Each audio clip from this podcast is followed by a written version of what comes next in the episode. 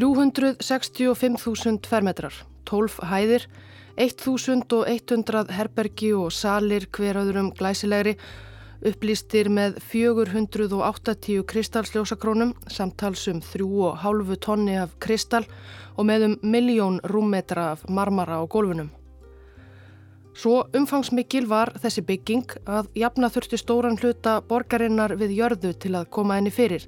Þar á meðal sjúkrahús og söpn og klaustur og meira en 30 versmiður og heimili 40.000 mann sem neittust til að flytja annað. Bygging sem tók svo langan tíma að reysa og svo mikið mannafl að talið er að um 3000 verkamenn hafi látið lífið við framkvæmt hennar.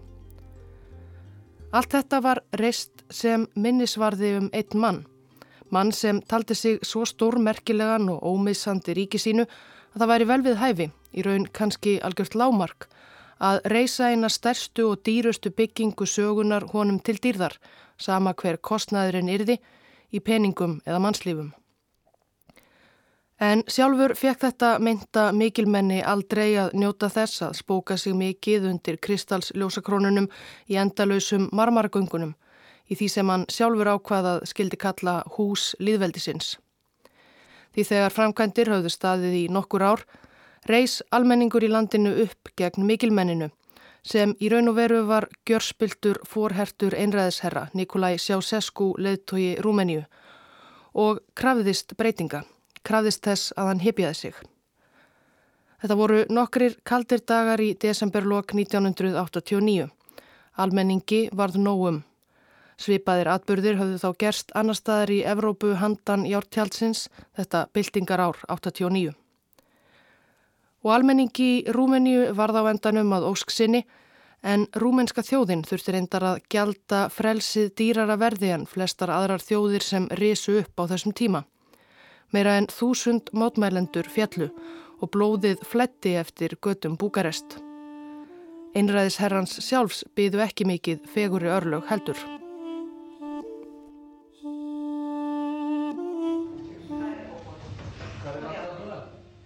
Í herbergi sem einna helst líkist drungalegri skólastofu, brúnir veggir, brún borð, brúnir stólar, sitja hjónum sjötugt hlið við hlið. Þau eru bæði í þykkum ullarkápu með trefla og þungbrind á svip. Konan hallar undir flatt, maðurinn trommar óþólumóður á borðið fyrir framann þau. Það er ekki löst við að maður geti vorkend þeim örlítið. Þetta er eitthvað svo trist sjón, auðmingja gömluhjónin í þessu sorglega umhverfi. Það er að segja ef maður vissi ekki að gamli maðurinn í svörtu ullarkápunni er allræmdur einræðisherra sem áratugum saman kúaði og arðrændi þjóð sína og konan við hlið hans í brútnikápu, eigin konan sem alltaf tóku virkan þátt í glæpumanns, Nikolai Ceausescu, fórseti Rúmeníu og fórsetafrúin Elena. Ef þau voru verða að sjá þarna í ullarkápunum sínum, gáttu þau sjálfum sér um kent. Þau höfðu við tekin höndum af hermönum þegar þau reyndu að flýja eftir að rúmenskur almenningur reysloks upp gegn þeim. Hermunum sem eitt sinn höfðu svarið þeim hotlustu eið en höfðu nú snúið baki við þeim eins og flestir aðrir þegnar þeirra höfðu þá gert. Þetta var 25. desember 1989. Sjá Sesku hafði þá verið leðtogi Rúmeníu í næri aldar fjörðung en það hafði varla tekið tíu daga að fellan.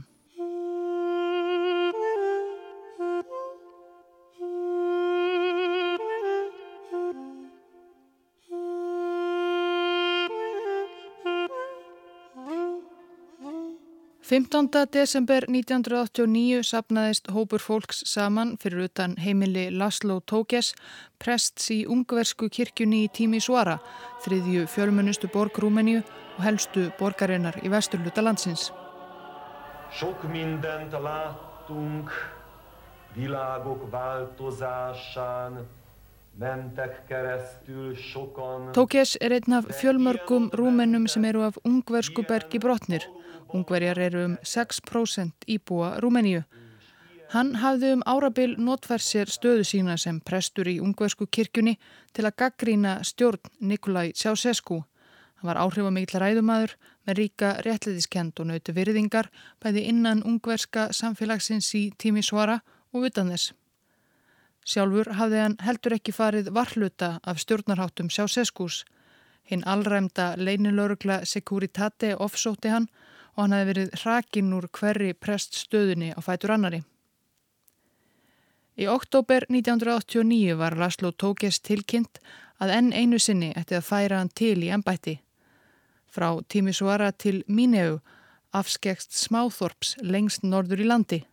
Þar eru þau sannarlega miklu færri að hlýða á andófsbóðskap hans. En Tókes neytaði að flytja, jáfnvel þó að ramagnið væri tekið af heimilegans og hann sviftur matarmiðum, jáfnvel þegar fautar Securitate réðust inn til hans og ógnuð honum. Það var svo þann 15. desember sem átti að bera Laszlo Tókes út. Hann var ekki lengur prestur í tími Suara og hafði því ekki lengur tilkall til íbúðarinnar sem hann bjói með einkonsinni og var í eigu kirkjunar. En þegar laurglumenn barað heimili hans höfðu stuðningsmenn, tókessar og sóknarbörn, mörg hundruð manns, tekið höndum saman og myndað keðju um íbúðarhúsið. Laszlo Tókes var ekki hakkað. Dæin eftir, 16. desember, mættu laurglumennir aftur, en mannfjöldin var þá enn til staðar og enn fleiri en dæin áður. Ekki bara sóknarbörn, tókessar og fólk úr ungverska menilhutanum í tími svara, heldur rúmennar af öllu tægi höfðu bæst við stúdendar og almenningur sem gramdist að senda eftir þeirran vinsala prest í útlegð fyrir það eitt að andmæla stjórn sjá seskús. Og eftir því sem fjölgaði í hópnum fór mótmælinn að snúast um annað en bara prestinn og framtíð hans. Það var heldur ekkert venjulegt ár. Það var árið 1989 og þó að rúmenar hefðu takmarkaðan aðgangað fréttum utan úr heimi hafðu ekki farið framhjóðum byltingarkendir atbyrðir í grannlöndum þeirra. Í mannfjöldanum var pískrað ef það er hægt í Pólandi og Tjekklandi, akkur þá ekki hér. Fólkið fór að hrópa almenn slagorð gegn kommunistastjórninni og kyrjaði ættjarðarsöngva.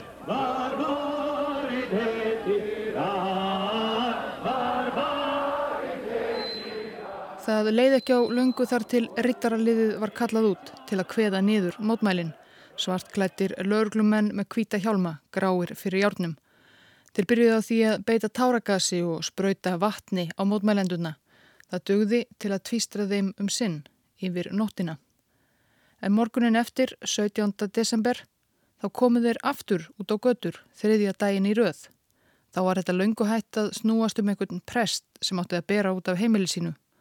Mótmælendunir brutust inn í ofinberra byggingar, gengu berseskangum skrifstofur kommunistaflokksins, rifu rítverk Nikolai Sjásesku niður úr bókahillunum og tættu þau. Í meira en 500 km fjarlægð söður í Búkarest fyldist tjeður Sjásesku einmitt náið með ástandinu í tími svara. Það var ekki á hverjum degi sem óerðir brutust út í Rúmeníu. Mótmæli gegn honum í hans Rúmeníu. Sjásesku kunni þessum fregnum afskaplega ítla. Enda ákvaðan að siga hernum á óerðasekkina Um kvöldið 17. desember voru skriðdrekar komnir á götur Tímisvara og hermenn fóru að skjóta á mótmælenduna sem voru þá orðnir mjög fjölmennir og dreifðir út um alla borgina. Það er óvíst hversu margir fjallu í þessari fyrstu árás Nikolai Sjásesku gegn eigin þjóð, nokkrir töyir að minnstakosti. En þrátt fyrir blóðsúthellingarnar heldu mótmælendur ótröðir áfram næstu daga og rúmenska byltingin var hafinn.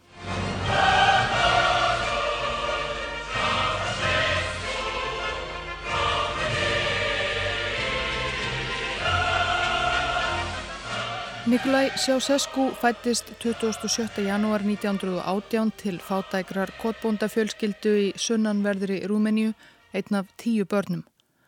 Árin sem Nikolai Littli var að vaksa úr grasi var Rúmenía konungsríki sem glýmdi við erfið efnahagsvandamál og fasistar og þjóðurnissinnar voru sífelt meira að kveða sér hljóðus. Enda átti Rúmenía eftir að berjast við hlið þjóðverja í setni heimstyrjöld. En á árunum fyrir stríð á fjórða áratugnum var það kommunismin sem heitlaði hinn unga Nikolai sem yfirgaf tæplega 13 ára gamall heimahagana og gerðist skósmíðasveit í höfuborginni Búkarest. Hann gekk í kommunistaflokkin sem var bannaður, vann sig upp og vakti á endanum aðtikli yfirvalda og var fangelsaður. Nær öllum stríðsárunum varði sjá Sesku í fangelsi þar sem hann varð nánasti samstarfsmæður Georgiu Georgiu Desh, eins helsta leðtoga rúmenskra kommunista sem einnig satt í fangelsi. Eftir stríð og ósigur öksulveldana og bandamanna þeirra lendi Rúmeni á áhrifasvæði Sovjetríkjana og sovjetmenn hófu að sjálfsögðu rúmenska kommunista til valda. Georgi Georgiu Desh varð æðsti leðtogi kommunískrar Rúmeníu og var það alveg til dauðadags 1965. Þá tók lærisveitn hans úr fangelsinu við stjórnartöminum, Nikolai Sjásesku.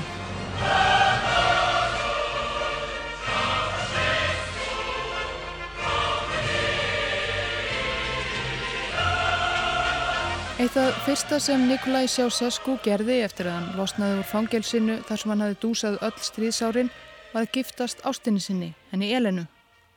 Því Nikolai og Elena hafðu kynst og felt hugið saman áður en Nikolai fór í fangelsi. Það fer reyndar tvennum sögum af því hvernig þau kynntust. Óbynbera frásögnin í Rúmeníu var lengi að þau hafðu kynst í kröfugöngu og fyrsta mæ. Tveir ungir kommunistar fullir af eldmóði og baráttu anda. Sagan segir líka að Elena hafi verið fætt í janúar 1919 í Sveitaþorpi í norðvestur hluta Rúmeníu. Þar hafi hún verið góður námsmaður en vegna bugandi fátæktar fjölskyldu hennar hafi hún neðist til að flytja aðeins tíu ára gömul til Búkarest og vinna fyrir sér. Á táningsaldri gekk hún svo í kommunistaflokkin þar sem hún skaraði fljótt fram úr og kynntist honum Nikolai. Það stennst ekki allt í þessari sögu. Elena sem síðar fekk eftirnafnið Sjá Sesku var þannig aldrei sérstaklega góður námsmaður. Henni gekk illa í flestum fögum nema handavinnu. En síður var hún fætt 1919. Hún var í raun tveimur árum eldri, fætt 1917. En þegar Nikolai Sjásesku varð aðsti leðtói í Rúmenju þótti ekki við hæfi að hann væri giftur sér eldri konu. Svo að fæðingarvottorði Elenu var snarlega breytt og hún gerð árinu yngri en einmaðurinn. Slíkar legar og prettir enkendu valdatíð Sjásesku hjónana. Það fór til að mynda lítið fyrir Elenu fyrstu árin eftir valdatöku kommunista í Rúmeníu þegar maðurinn hennar var hægri hönd leðtóhans Georgiu Georgiu Desh, ráð þeirra og fleira. En þegar Nikolai varð sjálfur leðtói spratt Elena skindilega fram á sjónursviðið, ekki aðeins sem formansfrú, heldur einnig, og þetta var öllu óvendara, sem efnafræðingur. Elena Sjásesku, sem aldrei hafði lókið grunnskólanámi, var skindilega komin með doktorskráðu í efnafræði frá háskólunum í Búkarest án þess að hafa sést þar oft innandira. Síðan fóru að byrtast greinar um flókna fjölliða efnafræði í vísindaritum í hennar nafni og svo var hún orðin formaður rúmensku vísindaakademíunar. Aðrir efnafræðingar við Búkarest háskóla furðuðu sig á þessu sem og gjörvalt rúmenska vísindasamfélagið þegar á leið. En þó ekki upphátt því það varð fljótt ljóst eftir að Nikolai Sjásesku tók við völdum að þar fór maður sem var ekki sérlega hrifin af gaggríni á sig og sína. Gerðust borgarar uppvísir um slíkt áttu þeir á hættu að kalla yfir sig leinin laurugluna Securitate og hrottana sem þar voru innan borðs vildu fæstir rekast á að óþörfu.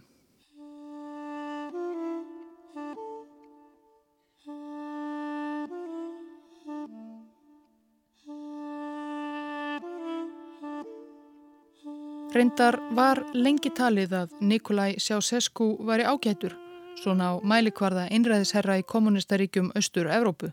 Hann var að minnstakosti umart óvenjulegur framan af á valdatíðsinni. Fyrstu misserinn eftir að hann tókuði völdum virkaði hann frekar frjálsindur. Aflétti hömlum á ritt og fjölmiðlafrelsi til að mynda og hann fetaði heldur ekki alltaf í fótspór Sovjetiríkjana hætti svo gott sem allir í þáttöku Rúmenju í Varsjárbandalæginu og stutti ekki innrás bandalagsríkja í Tjekkoslovakíu 1968. Á fyrstu árumann sem leðtói Rúmenju viðurkendi landið sjálfstæði Vestur Þískalands, gekk í Alþjóða Gjaldirisjóðin og tók á móti bandaríkjaforsetta í ofinbæra heimsókn fyrst Varsjárbandalagsríkja og svo framvegis. En ímyndin af Nikolai Sjásesku sem ferskum andvara í austantjálspolítikinni helt ekki lengi.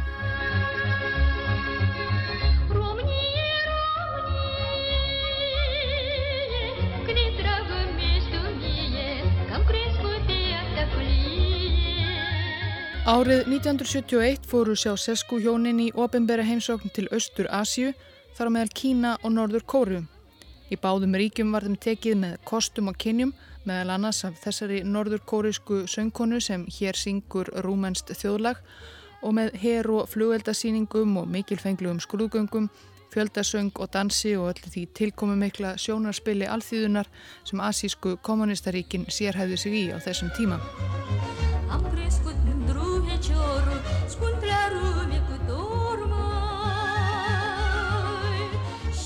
Sjáséskú var heitlaður af öllu sem fyrir augu bar hvernig Mao í Kína og Kim Il-sung í Norður Kóru virtist hafa tekið að gera ríki sínað stórveldum á alþjóða vettvangi þessari sérstöku blöndu þeirra af kommunisma og þjóðarniskent og ekki síst hvernig almenningur dyrkaði þá og dáði leittóana sem guðir væru.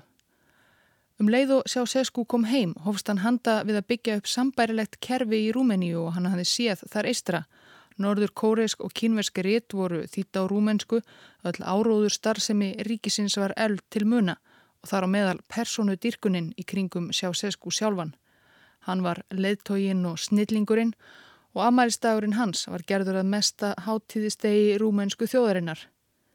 Eftirlit ríkisins með borgurum var sömur leiðis elft til muna til að tryggja að allir gengju alltaf í takt.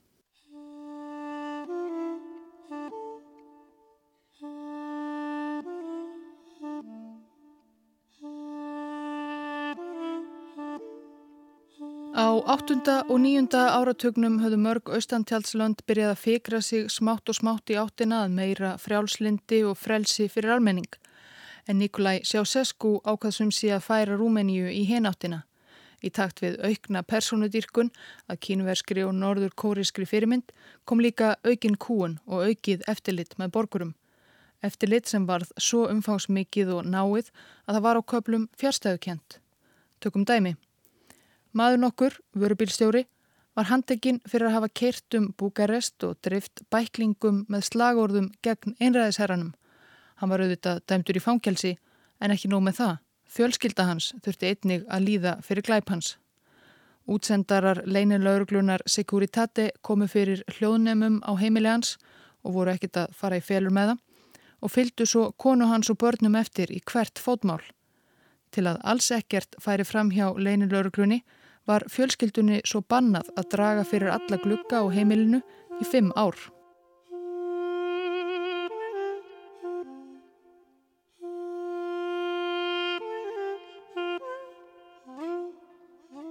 Undir lok áttunda áratögarins var efnahagur Rúmeníu líka komin á vonar völ. Landið var stór skuldugt eftir misvitrar fjárfestingar sjá sesku á uppgangsárum í byrjun áratögarins. Þarna var orðið hardara í ári og ekki útlitt fyrir að Rúmenía gæti staðið í skilum. Sjá Sesku þurfti lags að býta í það súra eppli að leita til sjálfura stórkapitalistana alþjóða gjalderi sjóðsins og laðist jáframt í umfángsmiklar nýðurskurðar og aðhalsaðgerðir sem þýttu lítið annað en að rúmenskur almenningur fekk að borga brúsan. Stjórn Sjá Seskus stór hækkaði verð á helstu nöðsinjum matvöru, eldsneiti, ramagni, almenningssamgöngum, eldi við, fatnaði, ég er einn flestu, um 20%. Um leið voru laun lækuð. Verðbólka jógst og svarti markaðurinn blómstræði í staðin. Það var endar almennt lítið að kaupa í Rúmeníu á þessum árum því meðfram aðhaldsaðgerðunum hrundi rúmensk landbúnaðaframleðsla með tilherandi matarskorti. Það litla sem kom upp úr moldinni var flutt út til að borga upp skuldinnar. Ríkis fjölmiðlar kvöttu fólk í sveitum til að fara að ferða sinna á hestum frekar en bílum til að spara eldsneiðisbyrðir. Trekk í trekk var lokað fyrir ramagn og hitaveitu í spartnaðaskinni svo að fólk var bara býta á jakslinn og reyna að þreja kaldan rúmenskan veturinn. Fjölmjörgir þóldu hann reyndar alls ekki og dóu úr kulda á heimilum sínum.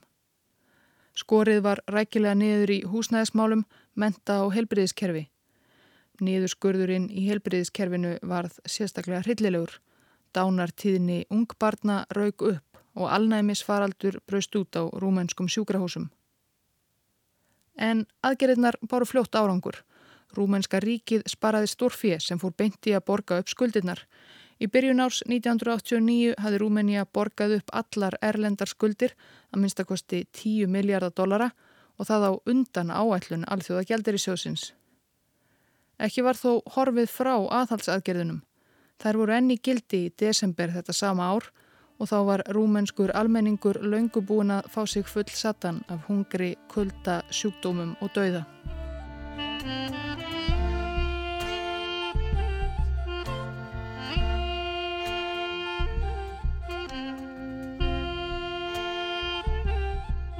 Á meðan hinn almenni rúmenni svalt heilu hungri hafðu þó sumir það ágætt, til dæmis Nikolai og Elena Sjásesku. Já, þau hafðu það líklega meira en ágætt. Sjásesku fjölskyldan, Nikolai og Elena og börnin þeirra þrjú lifðu í fáránlegum velistingum með við hinn almenna borgara. Innflutt matvæli af fínustu sort, dýr vín, glitrandi, kristalsljósakrónur, sportbílar, hallir og villur, stöðugar veislur fyrir innsta ringin og svo framvegis. Myndaalbúm sjá Sesku fjölskyldunar fundust eftir að Nikolai röklaðist frá. Þar gætt meðal annars að líta fjölda ljósmynda af veistluborðum fjölskyldunar. Nikolai og Elena í sínu fínasta pussi skelli hlæjandi við borð sem svignuðu undan þeim fjölda allskonar kræsinga sem áður var hlaðið.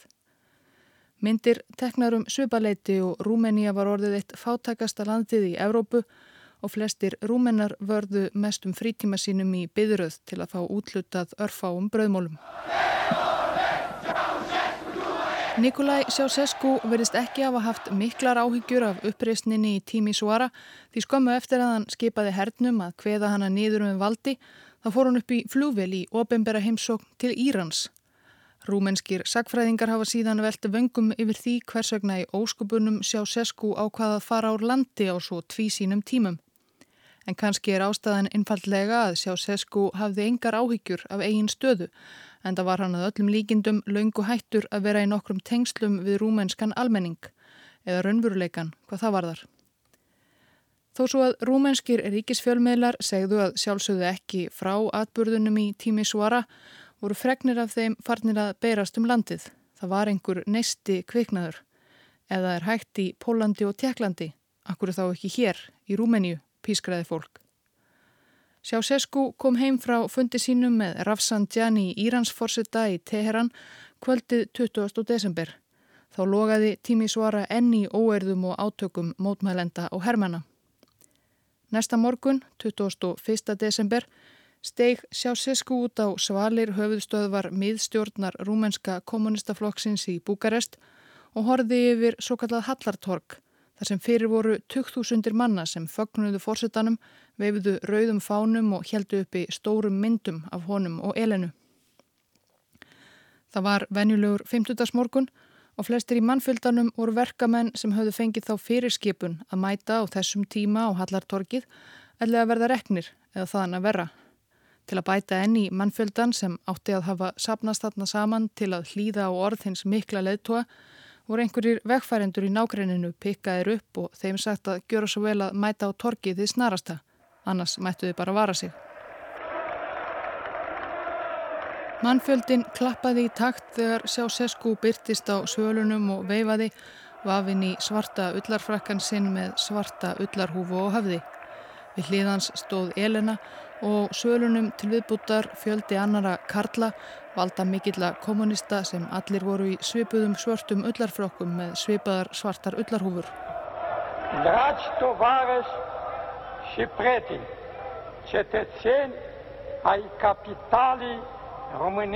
socialiste. Kæru félagar, kæru vinir, kæru borgarbúar í höfuðborg sósjálíska liðveldisins Rúmeníu. Sjásesku hóf málsitt á sinn hefðbundna hástemda og einstrengingslega kommuníska hátt og þakkaði þeim sem höfðu skipulagt þennan mikilfenglega fjöldafund alþýðunar.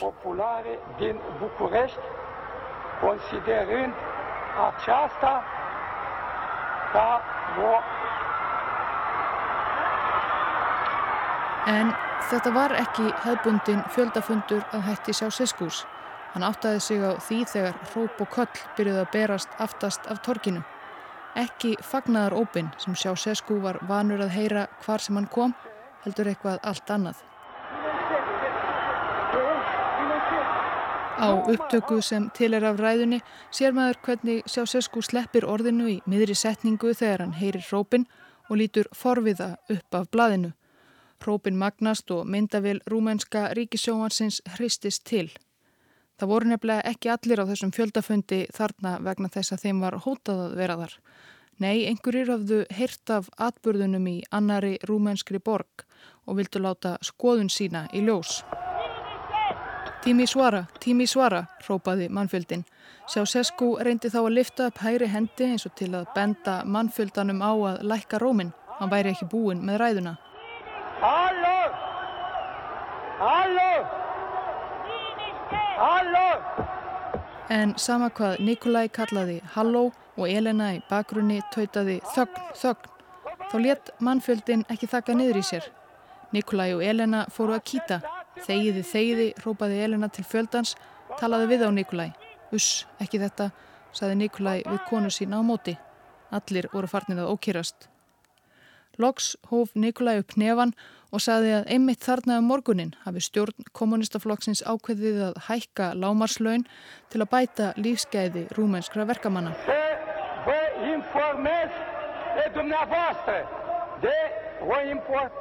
Ræðan var síndi í beitni útsendingu í sjónvarpi og það fór ekki fram hjá þeim sem áhorðu og það var eitthvað mikið á seiði.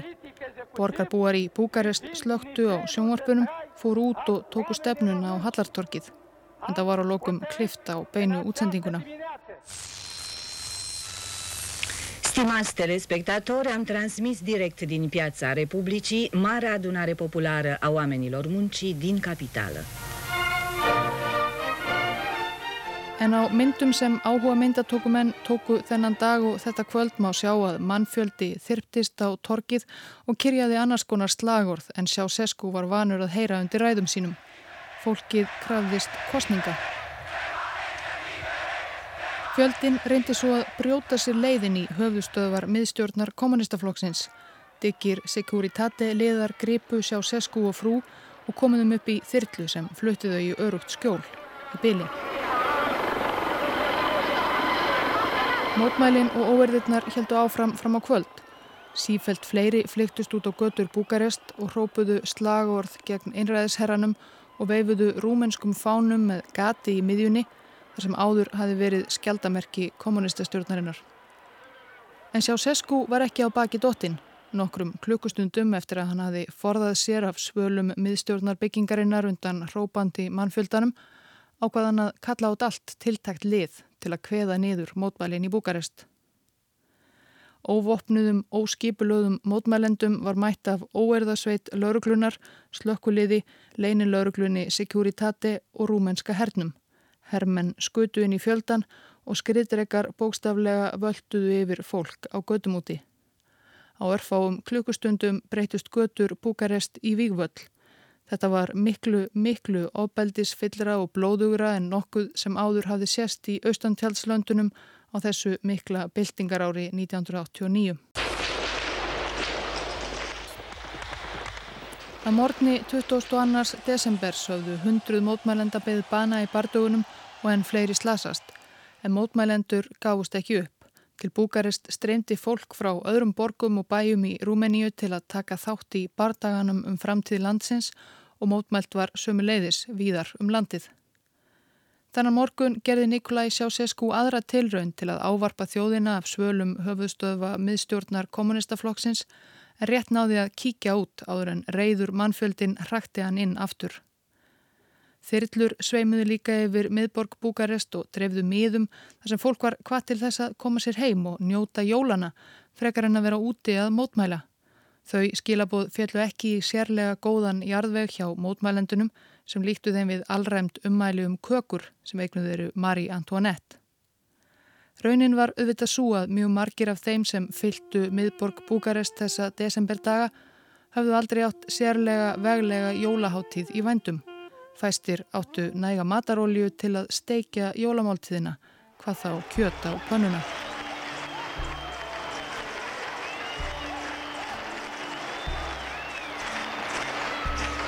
Áætlað er að um 1000 manns hafi látið lífið á örfáum dögum rúmensku byltingarinnar í desember 1989.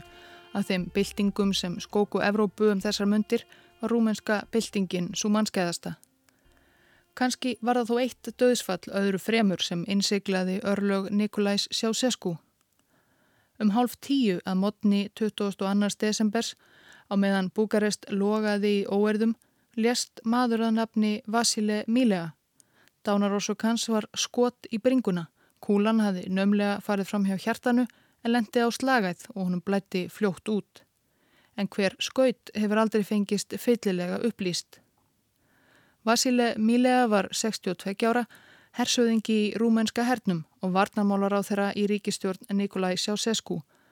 Nokkru fyrrum morgunin hafði Sjásesku reynda rekiðan fyrir að neyta að framfylgja fyrirskipunum um að skipa hermönum að skjóta á mótmælenduna í Búkarest.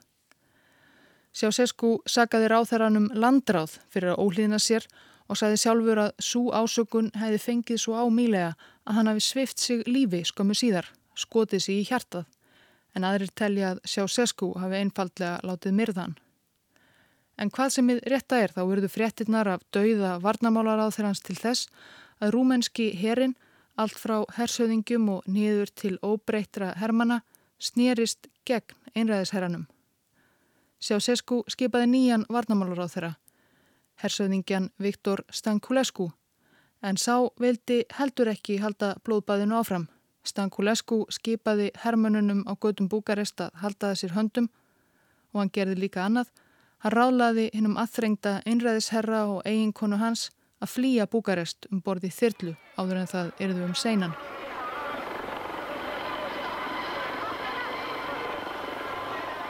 Eginlega á sama augnabliki og þyrlan með sjá sesku hjónin hóf sig á loft réðust mótmælendur inn í höfðustöðvar rúmenska kommunistaflokksins í Búkarest og tóku þær í sínar hendur.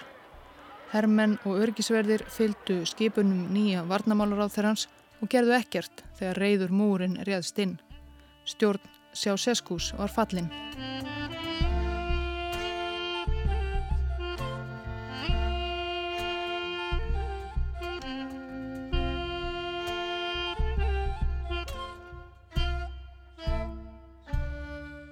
Tómarúmið eftir Nikolai Sjásesku varði ekki lengi. Eins og fyrr segir hafði einræðisherran orðið forhertari, spiltari og veruleika fyrtari eftir því sem leið á valdatíð hans. Þetta hafði ekki farið fram hjá samverkamönnum hans í rúmenska kommunistafloknum og rúmenska hernum. Valdamiklir menn bæði í floknum og hernum voruð öllum líkindum þegar byrjaðir að plotta um það að losa sig við Sjásesku þegar byltingin braust skindilega út. Allavega farnir að leggja á ráðunum það hvað tæki við þegar Nikolai, sem var í orðin sjötugur, niti ekki lengur við. Félagskapur sem kallaði sig Þjóðarráðið tók við stjórninni eftir að sjá Sesku röklaðist upp í þyrluna sína. Þar í broti fylkingar var Íon nokkur Iliescu sem átti langan ferilað baki í rúmænska kommunistafloknum, hafi settið í miðstjórn hans en lent upp á kant við sjá Sesku. Svipaðar sögur var að segja um marga aðra liðsmenn ráðsins. Þjóðaráðið myndaði bráðabyrðastjórn og átti síðar eftir að búa til fyrstu frjálsu kostninga í Rúmeníu í meira en hálfa öll. Það er kostningar í mæ 1990, sigraði þjóðaráðið og Iliescu varð eftirmaður sjá Seskús á forsetastóli, líðræðislega kjörinn þó. En aftur til desembers 1989. Eitt af allra fyrstu verkum þjóðaráðsins var að skipa herrdómstól.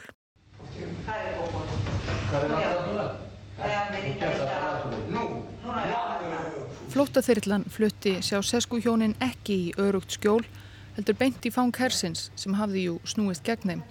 Gömlu hjónin voru tekin höndum og þremur dögum síðar, þann 25. desember, jóladag, voru þau leitt fyrir herrdómstól.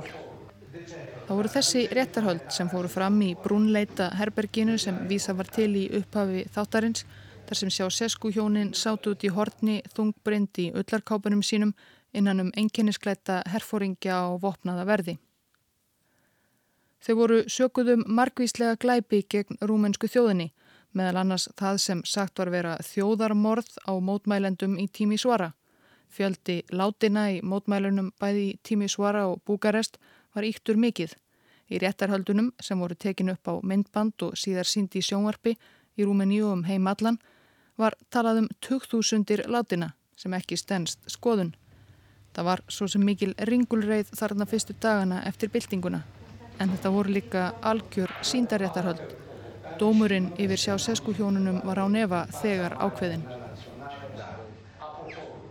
Ég viðurkenni einungis rúmenska þingið. Ég ávarpa einungis það. Rétt eins og hann neytar því að ræða við þjóðina. Þá neytar hann að tala við okkur. Hann hefur alltaf haldið fram að hann tali fyrir þjóðina, að hann sé dáður sonur alþýðunar, en það eina sem hann hefur gert er að kúa hann. Í dag er réttu við yfir Nikolai Ceausescu og Elenu Ceausescu sem söguð eru um eftirfarandi glæpi. Þjóðarmorð, sangkvæmt 350. og 7. grein hegningalega. 2. Vopnaða árás gegn valdstjórninni, sangkvæmt 163. grein hegningalega. 3. Eðileggingu ofinbæra bygginga og stopnana, sangkvæmt 165. grein hegningalega. Skiljið þið þessar sagir? Ég svara engu. Glimdu þessu, Nikolai. Það þýðir ekkert að tala við þetta fólk.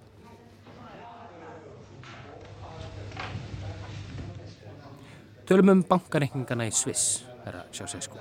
Hvað með bankareikningana? Bankareikningar í Sviss. Komdu með sannanir. Við áttum enga reikninga í Sviss.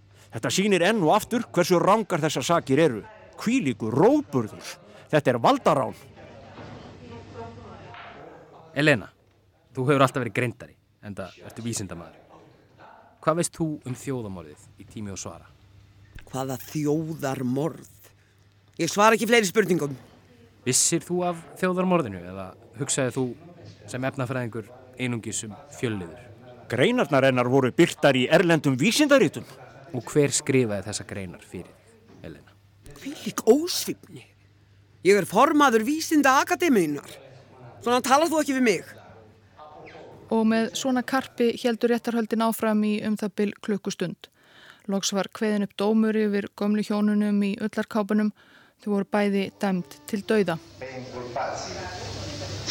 Nicolae și Ceausescu Elena la confiscarea totală. Vopnaðir hermenn gripu Sjásesko hjónin og bundu hendurnar á þeim saman. Þau mótmæltu ákaft og Elena byðlaði til hermannana. Drengir mínir hætti þessu. Ég hef verið ykkur sem móðir. Svo voru þau leitt út í húsagarð fyrir þryggjamanna aftökusveit. Atburðarásinn var þá svo hröð að myndatökumadurinn sem festi réttarhöldin á filmu misti af því þegar sjásesku hjónunum var hraðað út stilt upp við vegg í húsagarðinum. Elena rópaði ókvæðishorð og Nikolai söng internasjónalinn á síðustu andartökum sínum á lífi. Ég skipaði mönnum mínum að setja vjálpisutnar á hríðskotastillingu svo að skotin myndu öruglega ekki geiga. Ionel Boyeru var einn af böðlunum þremur í húsagarðinum og var líklega sá sem drap bæði Nikolai og Elenu. Ég skaut úr 29 helgjum í þremur hrinum. Fyrsta hrinan hæfði Nikolai í hnén og önnur í bringuna og þriðja hrinan hæfði Elenu. Þegar myndatökumadurinn hafði loks komið sér fyrir lágu Nikolai og Elena Sjásesko þegar öreind á jörðinni og síðustu skotin ómöðu um húsagarðin. Hættið að skjóta, skipaði herfóringin svo. Hann fekk það sem hann átti skilið, það finnst mér enn. Réttarhöldin yfir Nikolai og Elenu Sjásesko voru síndi í rúmenska sjónvarpinu þetta sama kvöld á jóladag 1989 og sömuleiðis aftakan aftur og aftur.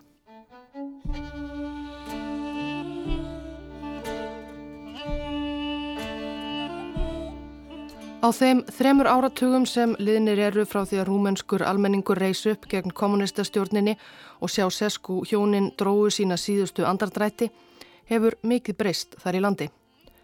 Eða hvað, lungan af þessum þremur áratugum hefur stæsti flokkur Rúmeníu og stjórnarflokkur verið Sósialdemokrataflokkurinn. Hann á rætur sínar að rekja aftur til þjóðaráðsins sem tók við eftir fall sjá sesku stjórnarinnar. Íon Iliescu, kommunista forkólfurinn sem snerist gegn Sjásesko og varð fórseti, er enn á lífi og hann er enn heiðursfórseti Sósjaldemokrataflokksins. Á síðustu árum hafa reyndar ímsar spurningar vaknaðum þátt hans og annara þjóðaráðsliða í byltingunni og sér í því mikla mannfalli sem hlaust af. Á höstmánuðum 2019 var Iliescu meira segja dregin fyrir dómi í Búkarest, sakaður um að bera ábyrð á dauða fjölda mótmælenda eftir að Sjásescu röklaðist frá. Hann hafi þá vísvitandi skapað ringulreið á götumúti til að tryggja sjálfan sig í sessi. Það eru réttarhöld sem hafðu þá verið um 30 ári í undirbúningi og að fréttum rúmenskra fjölmiðla dæma byggust margir helst við að réttarhöldin sjálf tækju önnur 30 ár. Ef það yrði eitthvað úr þessu á annað borð. Margir rúmennar líta svo á að stjórnmálastjett dagsins í dag hafi einfallega tekið við keflinu af Sjásesku og hans mönnum að minnstakosti hvað spillinguna varðar. Ástandið sé lítið skára nú en þá Rúmenía enn í viðjum spillingar og fátæktar. Það var á endanum lokið við byggingu hús Líðveldisins í miðborg Búkarest árið 1997, 13 árum eftir fyrstu skóplustungu að grunni. Kostnaðurinn við framkandina var þá laungu komin upp úr öllu valdi, ekki síst fyrir eitt af fátækustu löndum Evrópu að bera. Og rekstur byggingarinnar er byrði á rúmenskum ríkissjóði ár eftir ár. Rúmenska þingið hefur þarna vissulega aðsetur í dag. Höllin heitir ekki lengur hús líðveldisins eins og einræðisherran vildi, heldur þinghöllin. Þannig eru líka nokkur söpn og slæðingur af annari starfsemi. En af þessum 365.000 fermetrum og 1.100 herbergjum er langt mest en aukt innan tómt minnismerki um horfin harðstjóran.